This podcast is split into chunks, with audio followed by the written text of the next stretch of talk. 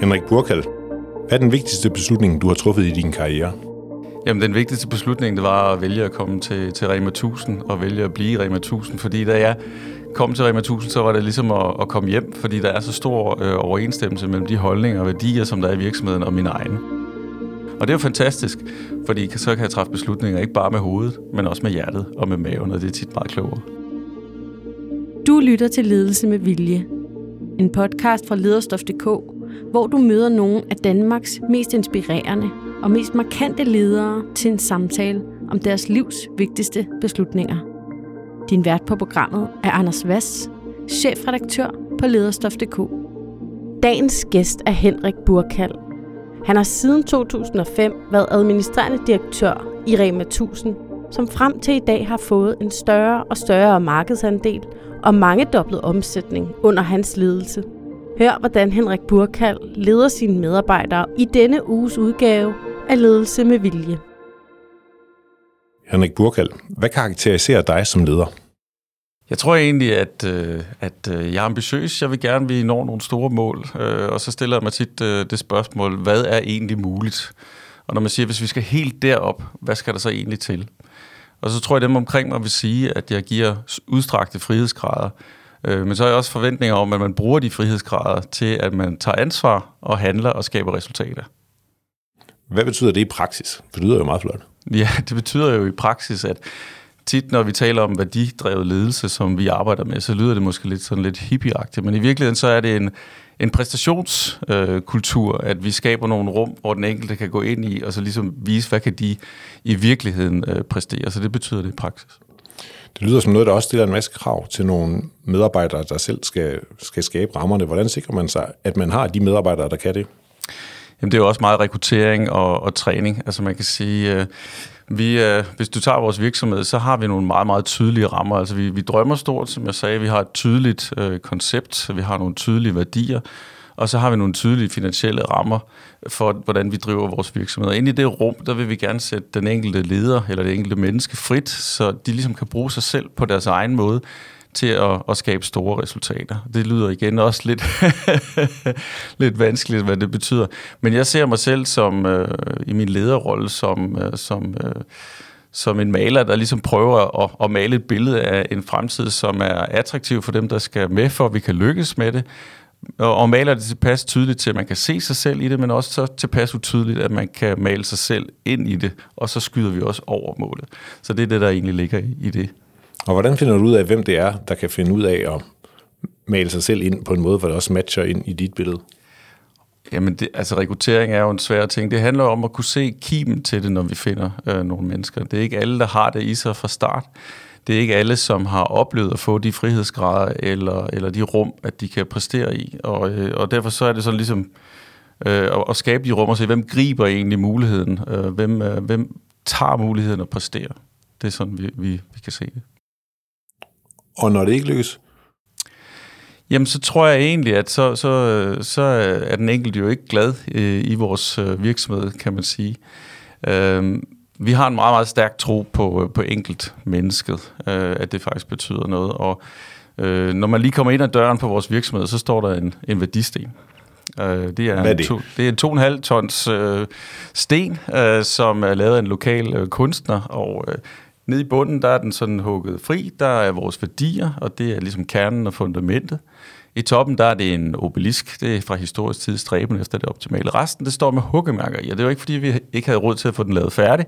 Men det skal egentlig symbolisere, at alle, der kommer med til virksomheden, er med til at skabe fremtidens virksomhed. Altså, så selvom vi er 16.000 mennesker i dag, så er virksomheden ikke skabt færdig. Og det vil sige, at vi prøver at rekruttere nogle mennesker med, med kant, som kan være med til at, at flytte noget, og så øh, vil det jo typisk være sådan, at virksomheden prøver at gøre de her mennesker lidt runde, for at de kan passe ind.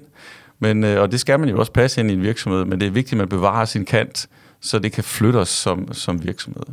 Så det vi prøver at lede efter, det er nogle mennesker, som, øh, som ikke er ens med vores værdier, men som er i samklang med vores værdier, hvis man kan sige det sådan.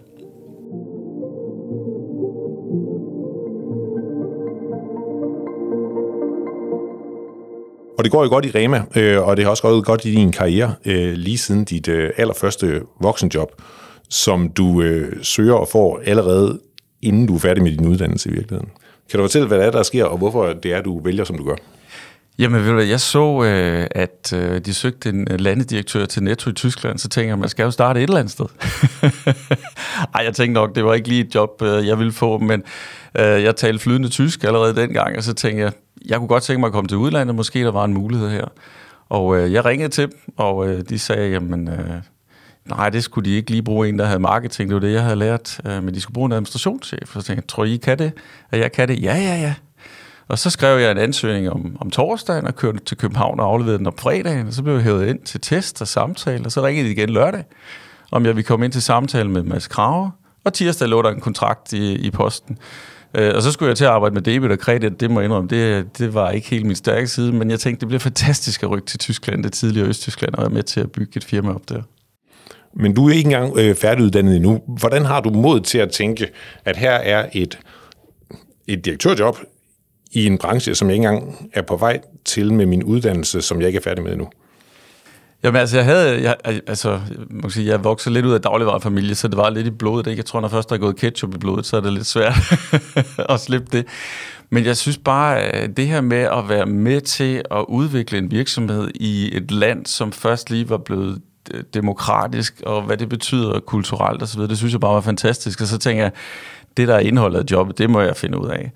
Øh, og så var jeg så heldig, at, øh, at der ikke var der var en masse ting, der ikke var struktur på endnu, og jeg fik en chef, som havde super travlt, og havde vist mig kæmpe, kæmpe tillid og frihedsgrad, så jeg fik bare flere og flere og flere opgaver, eller rettere, han siger, at jeg kom øh, løbende ind på hans kontor hele tiden, og hvad skal jeg så? og hvad skal jeg så? Og så sagde han, så gav jeg dig logistikken, og så gik der et stykke tid, før du kom tilbage. Men så allerede der som, som, som, som 28-årig, der var jeg egentlig, kan man sige, nummer to i, i fødekæden, kan man sige, i Netto Tyskland, og havde øh, mange forskellige opgaver, også på tværs af Netto-landet. Så det var bare helt fantastisk. Og øh, det, det nok også gav mig, det er, øh, og som jeg også prøver at inspirere mange unge mennesker til at sige, prøv at se, hvis der er en mulighed, så grib den. Og øh, hvis der er noget rum, så især grib den, fordi du får mulighed for at prøve mange ting af. Og den her mestringsfølelse, som vi også prøver at arbejde med i Rema 1000, det er virkelig noget, som man kan overføre til andre ting. Var det et udtryk for, at du lavede en plan, at øh, du greb det her job, som måske lige var lidt højere, end man kunne forvente, du kunne få, og så derudaf, fordi du havde et eller andet CEO-drøm, eller hvad var det? Nej, altså jeg vil sige, jeg har nok altid drømt om at blive administrerende direktør og været ambitiøs omkring det, men det var egentlig ikke, øh, ikke det. Jeg tror da også, der var mange af mine venner, der tænkte, hvorfor i verden bor du i et brunt sommerhus bag ved en nedlagt hestestand, ved et nedlagt gods, ved en glemt sø i en glemt landsby et sted i Østtyskland, og arbejder fra øh, 7 til 21 hver dag, men jeg elskede det, for det gav en masse, masse opgaver og muligheder. Du siger, du arbejdede fra 7 til 21 øh, hver dag. Ja. Er det noget, der kendetegner dig? Ja, jeg må nok sige, at øh, jeg, er, øh, jeg, jeg arbejder meget. Øh, det, kan, det kan jeg godt lide, så jeg skal gribe mig selv i, at det ikke bliver for meget. Men sådan er det jo, når man gerne vil... Altså, det er jo egentlig øh, det, at jeg elsker at skabe. Er der noget særligt, du er glad for, at du lærte som ung leder? Ja, altså, det handler ikke om mig. Øh, det handler om de mennesker, som, som vi leder.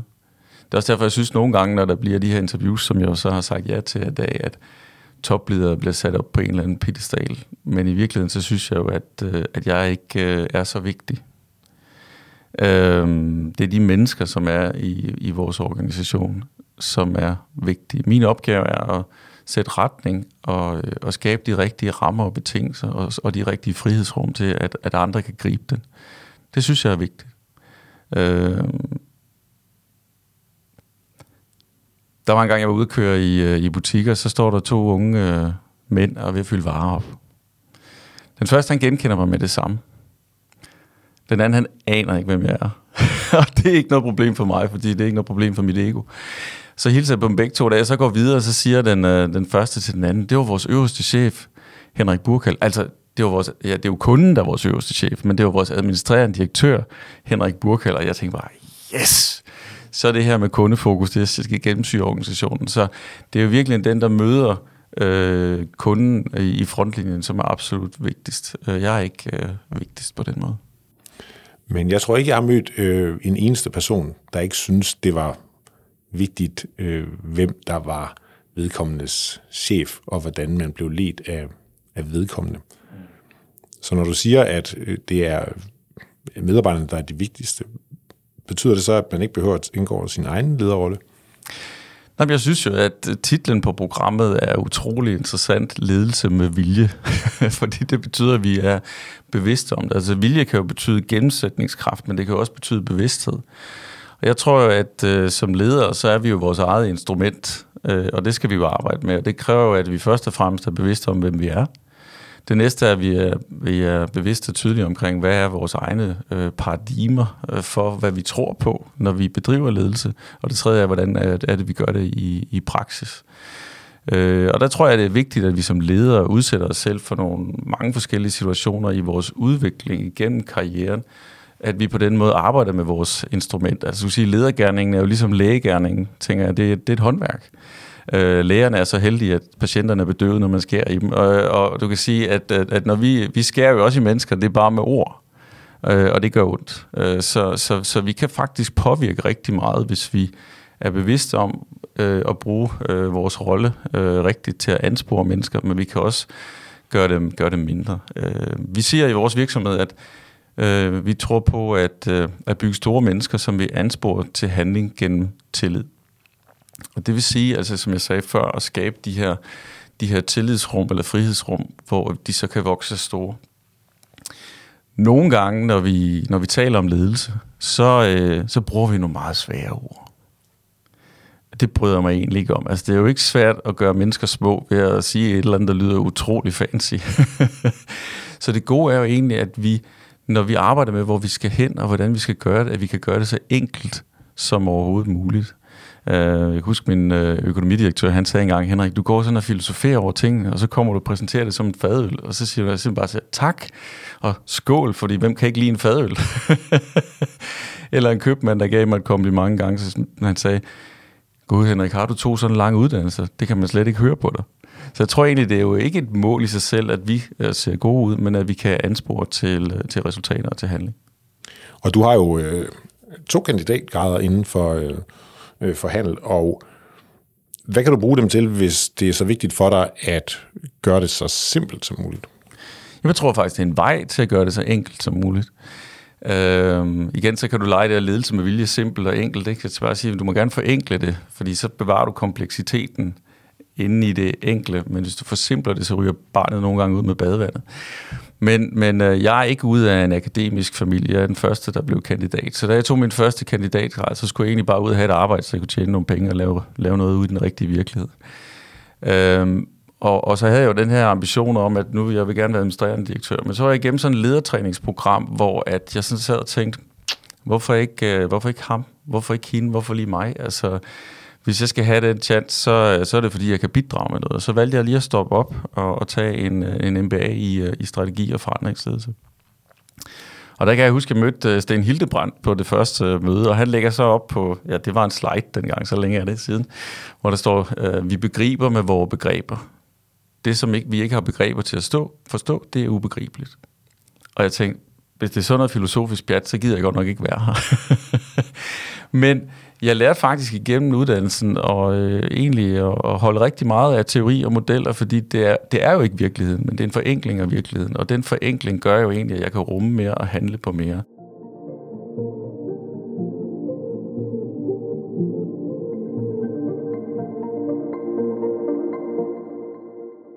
Tilbage til de store beslutninger i din karriere. Efter øh, nogle år, øh, du starter der i Netto i Tyskland og kommer også tilbage til hovedkvarteret, så skifter du branche. Ja. Og du havde egentlig ret meget succes, så hvorfor i alverden gør du det? Jamen, øh, jeg, jeg fik en mulighed for at komme til IT-branchen der i 95, hvor der skete rigtig meget øh, der, og, øh, og valgte at tage imod den øh, mulighed.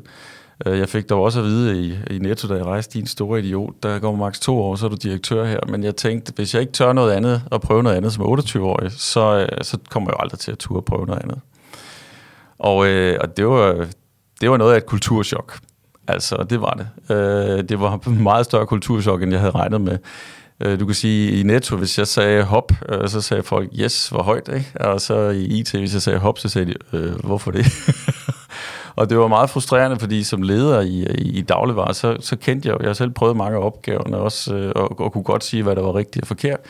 Men her stod jeg lige pludselig i en virksomhed med, med øh, to tredjedel øh, kandidater, PhD'er, dataloger, øh, designer og alt muligt, hvor jeg jo sådan set ikke var, for at sige det rent ud, klogere end dem på det, de lavede, ikke også? Men hvordan kunne jeg så være leder i det? Så jeg måtte finde en ny måde at være leder på.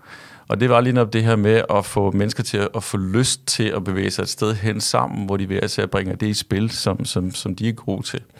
Og også arbejde med værdibaseret ledelse og sætte mennesker fri. Så, så for mig var der virkelig meget læring i det her. Og da jeg så valgte at gå til dagligvarerhandlen igen, så var mit drøm jo sådan set at lave en, en god kombination af det bedste fra begge verdener, nemlig øh, systemdriften fra, fra dagligvarer, og så det her med at sætte mennesker fri, som vi oplevede i, øh, i øh, IT-branchen. Da du kommer øh, derind i IT-branchen og, og, og møder de her udfordringer, mm. hvordan er det helt konkret, du finder ud af, at det, du kom med, ikke duede? Jamen igen, jeg reflekterede jo over de mennesker, som jeg mødte, og det de kunne, og hvad, hvad, hvordan det kunne kombineres, og om jeg kunne sige til dem, hvad der var rigtig forkert, og det kunne jeg jo ikke. Øh, og på den måde var jeg sådan set øh, tænkt, at jeg, jeg, jeg flygter tilbage, og muligheden var der også. Men, men, men øh, jeg synes bare, der var mange andre spændende ting i den her måde at, at lede på. Og jeg tror også, at det har betydet rigtig meget for min udvikling som, som, som leder og som menneske, at have været i begge de virkeligheder, og nu i Rema har mulighed for at kombinere de to virkeligheder. Hvis du havde haft mulighed for dengang at skifte direkte til direktørjobbet i, i Netto, ville du så have gjort det, eller var det mere bevidst, at du skulle ud og lave noget andet? Øh, så tror jeg da nok, at jeg havde taget jobbet i Netto hvis jeg var blevet tilbudt det. Men øh, jeg tror, at øh, jeg var så heldig, at der var nogen, der så, at det var for tidligt. Altså, det synes jeg jo ikke selv på det tidspunkt. Sådan er det jo tit, når man bevæger sig, ikke også? Øh, at, øh, at øh, du spurgte, om jeg arbejdede meget, ikke? Altså, altså jeg tror, de har tænkt, at jeg ville have slået mig selv ihjel, og måske dem omkring mig også, hvis det var. Øh, fordi jeg godt kan lide, at der sker en, en masse. Øh, det kan jeg stadigvæk godt, øh, men, øh, men har det lidt bedre under kontrol. det kommer med alderen. Du nævner flere gange, at du arbejder hårdt. Men hvilke forventninger har du til dine medarbejdere i et land, hvor der er en 37 timers arbejdsuge? Jamen, jeg forventer jo, at øh, den enkelte sætter sig selv i spil og på spil, øh, kan man sige. Og øh, jeg synes jo... Øh, Altså, jeg, jo, jeg synes jo, det er fantastisk, øh, den måde, vi er organiseret på i Rema 1000, hvor vi har selvstændige købmænd. Øh, det er jo sådan, at øh, da jeg var i CCI, så mødte jeg rigtig mange mennesker, som virkelig ville noget med deres liv. Altså, de har måske læst datalogi i fem år, eller design, og de ville virkelig noget med det, som de brændte for. Og det samme oplever jeg jo i, øh, i, i Rema 1000, at vi har vores selvstændige købmænd, som virkelig vil noget og, og brænder for det, øh, som de gør. Øh, vi arbejder med franchising. Og vi kalder franchising for frihedsat i system. Det vil sige, at øh, vi har jo det her system, som vi snakker om for dagligvarer, ikke? Også, hvor, hvor vi har det der stordriftsfordel, ikke? alt det der bang, bang, bang, indkøb og logistik og marketing og hvad det nu må være. Men så har vi faktisk også det, vi ikke snakker så meget om, nemlig smådriftsfordel. Altså det her med nærhed og ejerskab, øh, som, som virkelig skaber øh, gode resultater. Øh, og og det, øh, det kan jeg virkelig, virkelig godt lide. Og det taler jo ind til de selvstændige øh, købmænd, dem der står derude, og øh, dem jeg kender arbejder øh, rigtig, rigtig meget, men også får løn for hver en, en time. Du har også nogen, øh, der sidder inde på dit øh, øh, hovedkontor og bare er almindelige ansat. Hvilken forventning har du til dem? Jamen der, det er også præstationssport. Altså der forventer jeg også, at, øh, at man øh, prøver, når vi kigger på en opgave, så er der tit, der er nogen, der siger, at den her opgave den er umulig, eller det er umuligt at nå dertil men at vi siger, at når vi kigger på ordet umuligt, så er det meste faktisk muligt.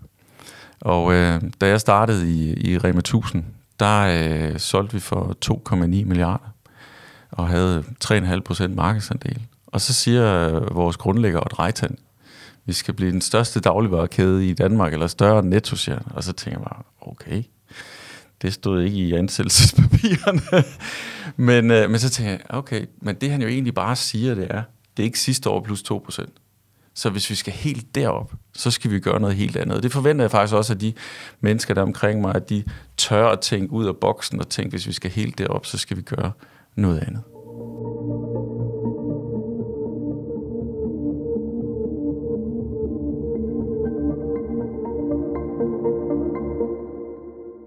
apropos øh, din, øh, din norske øh, ejer, øh, så beder vi jo altid vores øh, hovedpersoner i dag, dig om at tage en ting med. Og du har taget sådan en, øh, en, en lille blå bog, hvor der står noget på norsk. Ja, der står vores filosofi på. Og øh, det er sådan set kernen i vores virksomhed. Det er et positivt menneskesyn og så en filosofi baseret på otte grundværdier og nogle, nogle principper. Og det handler om, øh, kan du sige, at og virkelig gøre den filosofi i den forretningsmæssige virkelighed, som er lige nu. Så der er rigtig meget, øh, mange elementer af sund fornuft i det her. Og den, øh, den har jeg taget med, fordi øh, at, øh, at jeg følte faktisk, da jeg kom til Rema 1000, så kom jeg hjem. Og jeg kan fortælle en lille øh, sjov anekdote omkring det, fordi at, øh, da jeg kom til, til Rema, jeg vidste, der var mange ting, der skulle gøres, men, men da jeg startede, fandt jeg ud af, at der var mange flere ting, end jeg havde kunne se udefra. Så vi måtte lave en masse greb øh, hårdere tilbud, hvad vi er for at få gang i salget. Og så gik der ikke ret lang tid, så ringer min øh, bestyrelsesformand, og så siger han, du skal på filosofiseminar ved Odd Reitan på Ladegård, som er Norges ældste kongsgård, som, som, hvor vi har sådan, kan du sige, kulturelt hovedsæde, om du vil, ikke? Og jeg siger, jeg skal ikke beep, ikke på noget poesiseminar ved Odd Reitan, men det skulle jeg så. Og jeg tager op og og jeg sidder i et kedeligt klasselokale sammen med, med, med nogle købmandstalenter, og ind kommer et rejtan. Jeg har aldrig set et billede af ham. Han havde hyttesko på, øh, ingen strømper, sommerslags, åbenstående skjorte, halvlangt, stadigvæk vådt hår, øh, fuldskæg og rockstjernesolbriller. Dem satte han op i panden, og så sagde han, hey, hey, og jeg tænkte mig, what? det er min nye chef. Og så taler han i fire og en halv time på, på norsk, med trøndersdialekt. Det krævede noget koncentration. Og så i første pause, så kommer der øh, en over til mig og siger, Henrik, jeg synes, du sidder og smiler hele tiden. Jeg siger, ja, det har du ret i, fordi jeg sidder, hver gang han siger noget, så, så mærker jeg efter ind i mig selv, om jeg kan stå inden for det, han siger. Stort set alt, hvad han har sagt indtil nu, sådan tænker jeg selv. Og det betyder, at jeg kan træffe beslutninger ikke bare med hovedet, men også med hjertet og med maven. Og det er jo fantastisk på den måde at, at komme hjem, om man vil. Så da jeg sad i taxaen på vej ud til lufthavnen, så ringede jeg til formanden, så siger jeg til ham, prøv at, hvis det var det her, I så, da I rekrutterede mig, så er I bare set rigtigt. Så lidt tilbage til, til det, du siger om, hvordan vi rekrutterer. Det er jo ikke altid, det er der, når vi rekrutterer. Det er heller ikke altid, den vi rekrutterer har set det, hverken udefra eller inde i sig selv. Men hvis vi kan se kimen til, at man kan blive Rema Blå. øh, ikke, ikke være ens, men i samklang med ikke være rund, så man bare passer ind, men at man har kant og vil være med til at flytte virksomheden. Det er det, der flytter virksomheden virkelig fremad. Noget af det, du siger der, det lyder sådan nærmest lidt religiøst. Ja, men altså, du ved godt, øh, jeg elsker også, hvis jeg endelig er ude og snakke om det, så står jeg og vister med den som en anden prædikant. men, men, men det er det sådan set ikke. Det er jo, altså, som jeg plejer at sige, at gå på arbejde, det er jo ligesom at gå til spejder. Altså, det er jo fuldstændig frivilligt og man vil være grøn spejder eller blå spejder, bestemmer man selv. Så derfor så er det jo mere, at når der er nogen, der kommer med, så skal de kunne finde ud af, at, at, øh, at det her er noget, jeg har lyst til at være med til at rendyrke og forstærke. Så har jeg jo masser og masser af muligheder og frihedsgrader her, og hvis jeg synes, det er det dummeste, jeg nogensinde har hørt, så bliver man jo hverken et bedre eller dårligere menneske af det, så bliver man nok bare lykkelig et andet sted. Og der tror jeg faktisk også, at når man gerne vil arbejde med sådan værdibaseret ledelse, eller værdidrevet ledelse, som jeg godt kan lide det, eller tillidsbaseret ledelse, så, så kræver det også, at vi er så tydelige omkring, hvad det er, vi gerne vil, øh, og hvordan vi gerne vil det. At, øh, at den enkelte så må selv finde ud af, passer jeg ind i det, eller passer jeg ikke ind i det. Vil du kunne passe ind et andet sted end Rema efter 18 år med den blå bog? Ja, det tror jeg som godt jeg kunne. Det har jeg ikke nogen planer eller, eller ambitioner om at, at skulle. Øhm, fordi jeg synes, det er øh, en helt anden måde at drive virksomhed på i vores branche, hvor man lige præcis kombinerer det bedste fra dagligvarehandlen og det bedste fra, fra moderne ledelse, hvor man sætter, sætter mennesker fri. Og øh, det er jo tit, man taler om, at vi, som, som, som topchef, så skal du flytte dig og så videre. Ikke? Og hvorfor har jeg så været der så længe, og hænger jeg fast i det? Men det er jo en helt anden virksomhed, end da jeg startede. Altså, Øh, da jeg startede, solgte vi for, for, for 2,9 milliarder. Sidste år, der solgte vi for 20 milliarder, og har en partnerforretning på 5, over 5 milliarder. Vi var 3.000 mennesker, nu er vi 16.000 mennesker. Vi øh, havde ikke vores egen logistik, nu har vi vores egen logistik. Så, øh, så jeg gør faktisk det en gang imellem, så cirka hver femte år, så, øh, så når jeg møder ind, så siger jeg, hej, jeg hedder Henrik, jeg er ny. så prøver jeg at udfordre mig selv, og de beslutninger, vi har truffet for at se, om vi nu er et andet sted øh, øh, som virksomhed. Så. Er det sådan helt konkret, at du prøver at nulstille dig, og så simpelthen gå på arbejde som en helt blank ja, leder? det er det. Det er det. Øh, og det tror jeg kan være rimelig træls for mine omgivelser, når jeg laver det, hvor de sidder og siger, jamen du har vel selv været med til at beslutte det her. Ja, men det er jo ikke sikkert, det er rigtigt længere. Så jeg tror, det er vigtigt. Øh, altså jeg kan godt lide at arbejde med de lange linjer, også fordi det er jo en meget, det er jo ikke en system, det er jo, det er jo ikke en manualborgen virksomhed, det er en systemborgen virksomhed, det er ikke en manualborgen virksomhed. Og det vil sige, at den menneskelige faktor er utrolig vigtig. Så de relationer, som vi har med hinanden, er utrolig vigtige. Altså lige i den her tid, der har vi, har vi regionsmøder med, med købmændene. Øh, vi har 13 regioner, så jeg er ude i alle 13 regioner.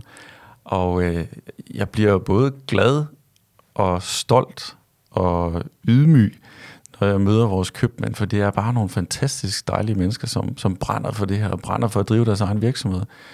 De, øh, de elsker deres øh, butik, de elsker deres kunder, de elsker deres medarbejdere, og den nærhed, som det giver, den handlekraft, som det giver, det er helt fantastisk at opleve. Og også det her, som du siger, med den udvikling, som man har, at når, når den enkelte genbryder et glasloft i sin egen udvikling, og så se, hvordan øh, mennesket folder sig ud.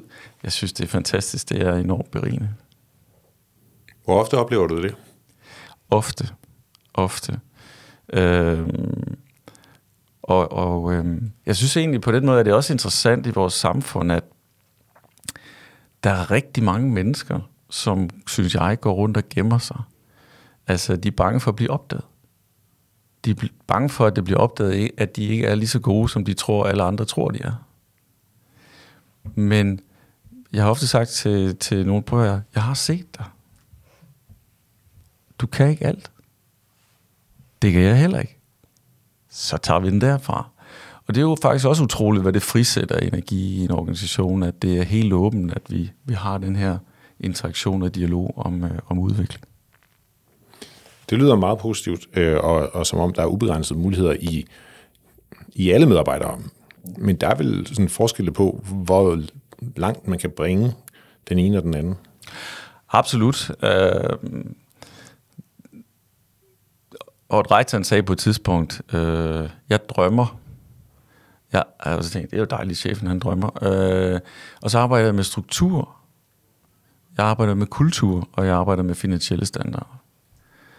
Og så tænkte jeg, hmm. Og så fik jeg faktisk ind i mit hoved lavet det om til en energikanon. Altså det handler om, at at vi ligesom, hvis vi drømmer stort, og så ligesom sætter nogle rammer, ligesom når man laver dogmefilm, hvor man siger, jamen, øh, der, der er nogle ting, du ikke kan, så du skal være inden for de her rammer, men inden for de her rammer, så handler det egentlig om at maksimere den energi, der er. Jeg synes jo tit, det er, når vi taler om virksomheder, så er det jo logoer og strukturer og organisationsdiagrammer, men i virkeligheden så handler det jo om, at der er nogle mennesker, der har lyst til at præstere og, og handle, og dermed skabe resultater. Og nogle gange, når man strukturerer ting, så tager man ligesom energien ud af det. Men det er klart, at nogle mennesker kan tåle en bredere energikanon, og nogle kan tåle en smallere energikanon. Det handler jo rigtig meget om, at vi som ledere hele vejen igennem systemet designer de her energikanoner, sådan at det menneske får en succesoplevelse og en mestringsfølelse. Hvordan ser du så, hvem der har brug for den kæmpe store kanon, og hvem der har brug for en sådan lidt mere laseragtig præcis stråle? Altså nu dem, der sidder lige rundt om mig, de, de kan godt tåle meget brede, brede rammer. Men, men øh, jeg synes jo også øh, for eksempel, at vi som virksomhed har øh, for eksempel et samfundsansvar i forhold til at kunne rumme mange forskellige mennesker. Øh, vi har for eksempel øh, skabt øh, over 500 jobs for mennesker med kognitivt handicap. Og ikke fordi vi siger, at nu har vi det her program, og nu skal alle sammen, og det skal være sådan og sådan. Men jeg er egentlig bare gået rundt og i talsat, jeg synes egentlig, at sådan set i et historisk perspektiv, så synes jeg egentlig ikke, vi kan være bekendt, sådan som vi agerer i dag nødvendigvis. At i gamle dage, hvis Ejner, hvis det han kunne, det var at feje nede ved, nede ved gadekær, så, så fejrede Ejner nede ved Gadekær øh, og øh, var en del af samfundet, hvor der er flere, der måske sidder derhjemme i dag og ikke er en del af, af samfundet. Og det er klart, at det, der er rigtig mange købmænd, som også har taget den og, øh, og, og har øh, inkluderet nogle mennesker, som egentlig måske har et svært arbejdsliv, og der bliver det en smallere øh, opgave, øh, og som jeg møder rigtig mange, som har kognitivt handicap, som oplever virkelig mestringsfølelse og, øh, og, og, og bliver regnet med i et job, og det, det gør også glad. Det gør mig også glad, det må jeg sige. Det lyder lidt som om, at der også foregår en slags øh, ledelse, hvor, øh, hvor de her købmænd og andre organisationer lidt skal sådan fortolke dig. Hvis du fortæller, at du siger noget med, at det kunne være dejligt, at sådan og sådan, og så sker det.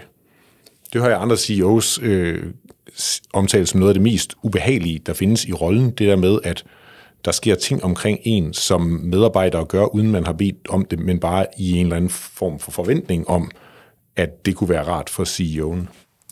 Jeg synes, det er fantastisk med den handlekraft. Altså, som var en, der sagde til mig, Henrik, du sender sådan nogle prøveballoner op en gang imellem, så ser du, om der er nogen, der griber den og løber med den, og hvis de gør, så holder du lidt øje med det, og så ser er det noget, vi skal multiplicere op, ikke? Eller, eller er det noget, vi skal stoppe igen? Øh, og hvis der ikke er nogen, der griber den, så prøver du lige igen lidt senere. Så man kan sige, øh, jeg kalder det management by jazz. Øh, jeg ser mig selv som bandlederen ved klaveret. Og så, øh, og så det, der er det interessante ved jazz, der er jo en, en klar øh, rytme, der er en klar øh, øh grundtone, som vi spiller i, der er en klar start, der er en klar overgang. Ikke? Så hvis, vi nu siger, at, hvis vi nu siger, at du er verdens bedste til at spille trompet, ikke? så giver det jo ikke mening, at jeg står og styrer dig ned i detaljen, vel? Så, så når vi går i gang med at spille, så, øh, så, øh, så giver jeg over til dig. Og øh, du går bare i gang, og du giver den gas, og du udvikler på det, og det kan være, at du rammer en skæv tone, og vi siger, hey, spændende, vi er ved at udvikle ny musik, og så spiller vi lidt med på den, ikke? Så nej, det var vi ikke, vi spiller lidt tilbage igen, ikke? Så det er jo også noget af det, som skal være med til at flytte os som virksomhed, ikke?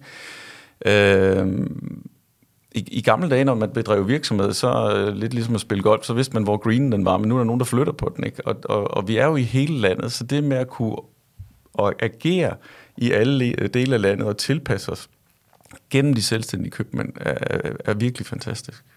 Det lyder utroligt flot med, med det her management by, by jazz. Dejligt begreb.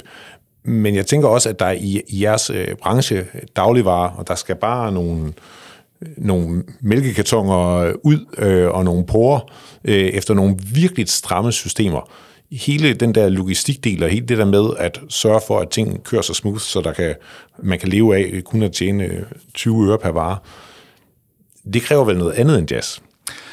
Absolut. Øh, du kan sige, vi driver en virksomhed, som er frihedssat i system, øh, og vi har et system for sådan noget som, som logistik. Og der er også noget konsekvenspædagogik. Bestiller du før kl. 10, så får du varer. Bestiller du efter kl. 10, så får du ikke nogen varer. Øh, jamen, er det ikke kun det handler om? Jo, men hvis du klovner sådan rundt, så forsvinder pengene.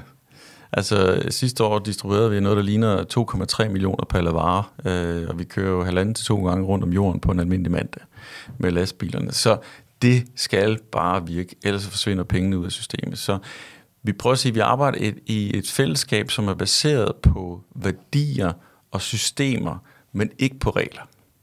Og der er forskel på systemer og regler, fordi systemerne sørger for, at det kører smooth, som du siger, og det rent faktisk hænger sammen. Regler, det er typisk mere, fordi der er nogen, der ikke kan finde ud af det.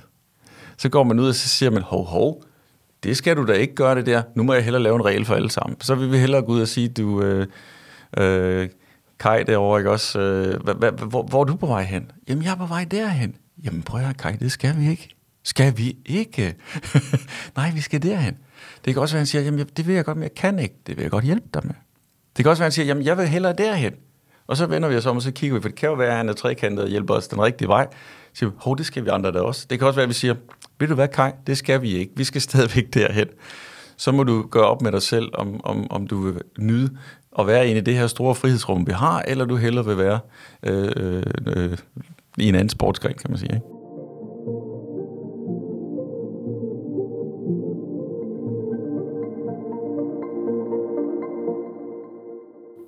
Vi taler jo her i Ledelse med Vilje om de store beslutninger i, øh, i din karriere, og øh, man kan sige, at vi har taget hul på den, på den tredje, det helt store, som er, at du skifter tilbage til Rema. Så lad os i stedet for øh, dreje den lidt og øh, sige, den succes, du har haft siden da, hvor, hvor Rema er blevet meget, meget større. Hvis du skal pinpointe én ting, du har gjort i den organisation, som har øh, ændret det fra at være en organisation, det ikke gik så godt i, til at være en ret succesrig virksomhed. Hvad vil du så sige, det var? Ja, nu siger du en, jeg vil nævne to. okay.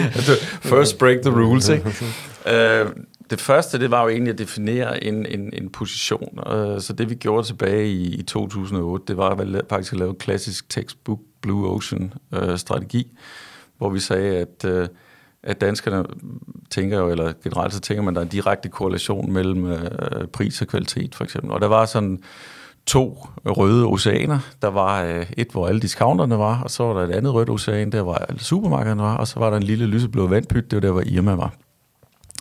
Og med de røde oceaner mener de nogle ja, markeder, er, der er optaget, og de blå, hvor der er plads. Ja, lige præcis. Og, og i de røde, der kæmper alle på, om det samme på den samme måde. Ikke? Og så øh, var der den udfordring, at vi, øh, at vi, når der blev skrevet om discount i, øh, i aviserne, så blev vi ikke engang nævnt. Og når der var målinger på det, så kom vi ud på en 11. plads øh, ud af 11. Øh, så det duede jo ikke rigtigt. Og så, så, øh, så definerede vi sådan en, en strategi og siger, hvor vil vi gerne slå de andre, hvor må vi gerne spille uafgjort, og hvor er det okay, vi taber. Og så øh, definerede vi sådan meget mere discount, hvor vi siger, at vi vil gerne have stort set alt til hverdagen, øh, så du ikke skal gå flere steder hen og handle.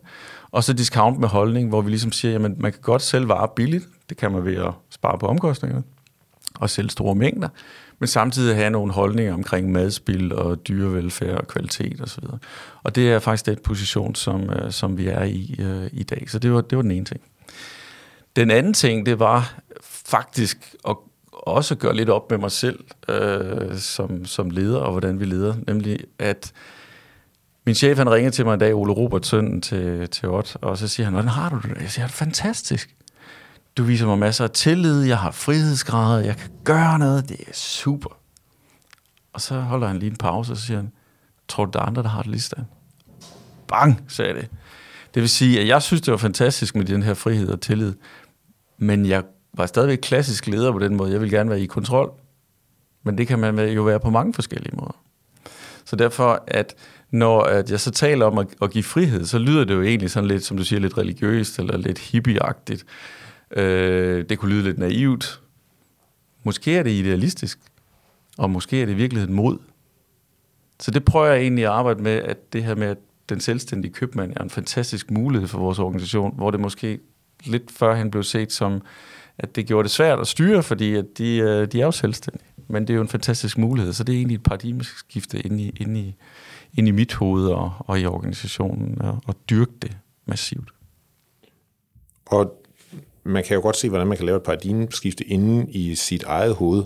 Og nu er du øh, topchef i en virksomhed, hvor der er 16.000 ansatte, så, så er der jo langt ned på gulvet. Hvordan får man din tanke ned til øh, fejdrengen? Ja, det er, det, er jo, det er jo også øh, en opgave, men jeg tror, det, det handler meget om, hvordan vi øh, leder de mennesker omkring os, eller og også kommunikere sådan generelt, fordi øhm, noget af det, som, som jeg har skulle arbejde med, det er ikke at svare præcist på de spørgsmål, jeg får. Så de mennesker omkring mig, de tænker selv, hvis du forstår, hvad jeg mener. Altså tit det lyder som leder, umiddelbart som en virkelig dårlig strategi, ikke at svare på spørgsmål. Ja, lige præcis. Ikke? Også det, det føles også sådan, men øh, når der kommer nogen og spørger om noget, så kan man lyst til lige at trække pistolen og skyde det ned, fordi så er man jo virkelig sej, fordi man har løst problemet. Ikke? Men, men det har man jo i virkeligheden ikke. Man har bare løst det én gang. Så øh, jeg kan huske, der var en, han startede som regionschef, øh, og øh, vi havde et salgsmøde, der var jeg også salgsdirektør på det tidspunkt.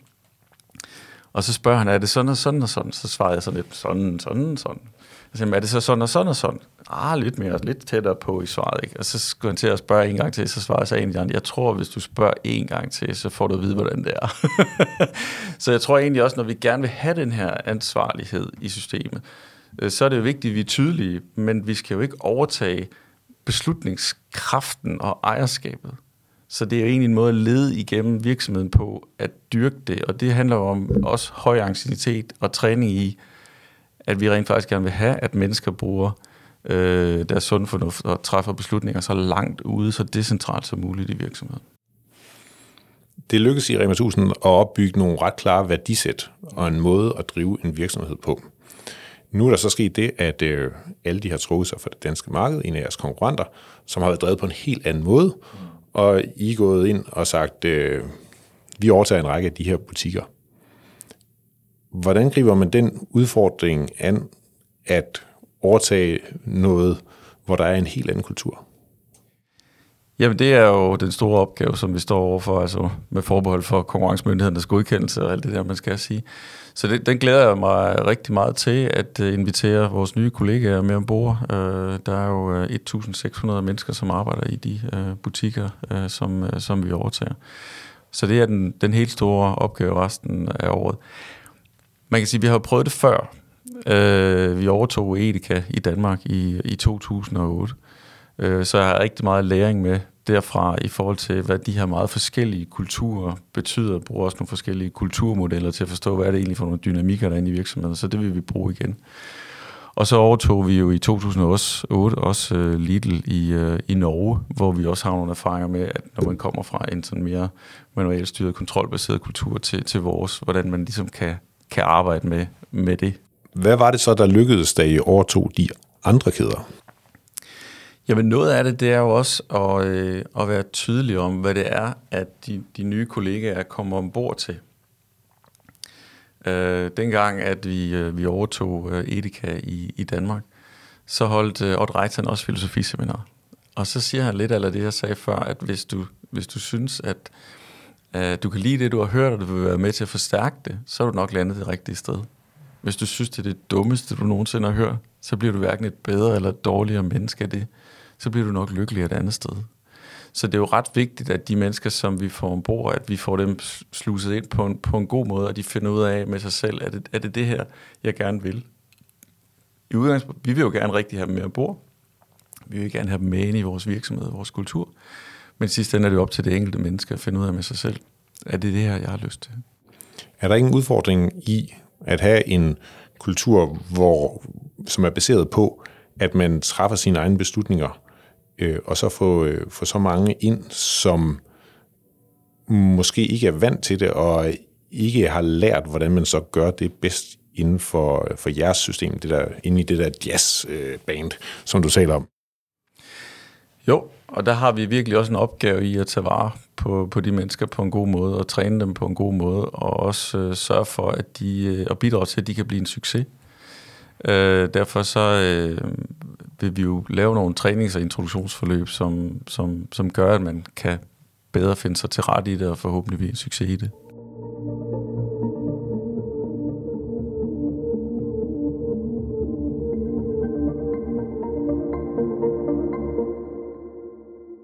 Der er selvfølgelig så ved øh, flest øh, rigtige beslutninger, kan man regne ud, når man ser på, hvordan det er gået for Rema. Men har du nogle konkrete eksempler på, øh, på nogle valg, du har truffet, som var Helt forkert. ikke nogen, jeg har lyst til at lave reklame for. Øh, jeg har lavet masser. Masser. Og det tror jeg egentlig også, at når, når for eksempel uh, unge mennesker skal uh, kigge på uh, som siger, topchefer eller sådan noget, så, så jeg var derude at køre med, med en af mine uh, døtre, ikke? og så, så, så fortalte jeg om noget, der var gået uh, grueligt galt, og så siger hun, far, er der nogensinde noget, der er gået galt for dig? Så siger jeg, der er vanvittigt, der er mange ting, der er gået galt for mig. Men det er jo også en del af læringsprocessen. Altså, det er jo helt okay at lave fejl. Altså, hellere, hellere komme galt afsted, end slet ikke komme afsted. Man skal bare huske at lære af det. Henrik Burkald, tak fordi du vil være med i Ledelse med Vilje. Hvis du kunne lide at lytte til Ledelse med Vilje, vil du sikkert også blive glad for vores mellemlederpodcast Lederskabet. Hør for eksempel programmet med Maja Nyvold, der har en udfordring med at spotte mistrivsel og overdrevet arbejdspres, når hun leder sine medarbejdere gennem skærmen. Der skal være en virkelig god grund til, at man ikke tager kamera på. Fordi hvis folk sidder og kan gemme sig bag skærmen, så ved man jo ikke engang, om de hører efter, eller om de er engageret i den samtale, eller laver noget andet. Så, øh, så det er de, men det er de små tegn, for selv bag en skærm, så er det nemmere at skjule sig, end hvis du lige går over og tager fat i en ved siden af kaffemaskinen og siger, hey, hvordan har du det egentlig i dag? Og jeg ser, du arbejder meget. Er det okay, eller bliver det for meget nu? Lederskabet, en mellemlederpodcast, giver både gæsten og dig, som lytter med, inspiration til, hvordan man selv kan blive en bedre leder. Lederstof.dk udgives af lederne.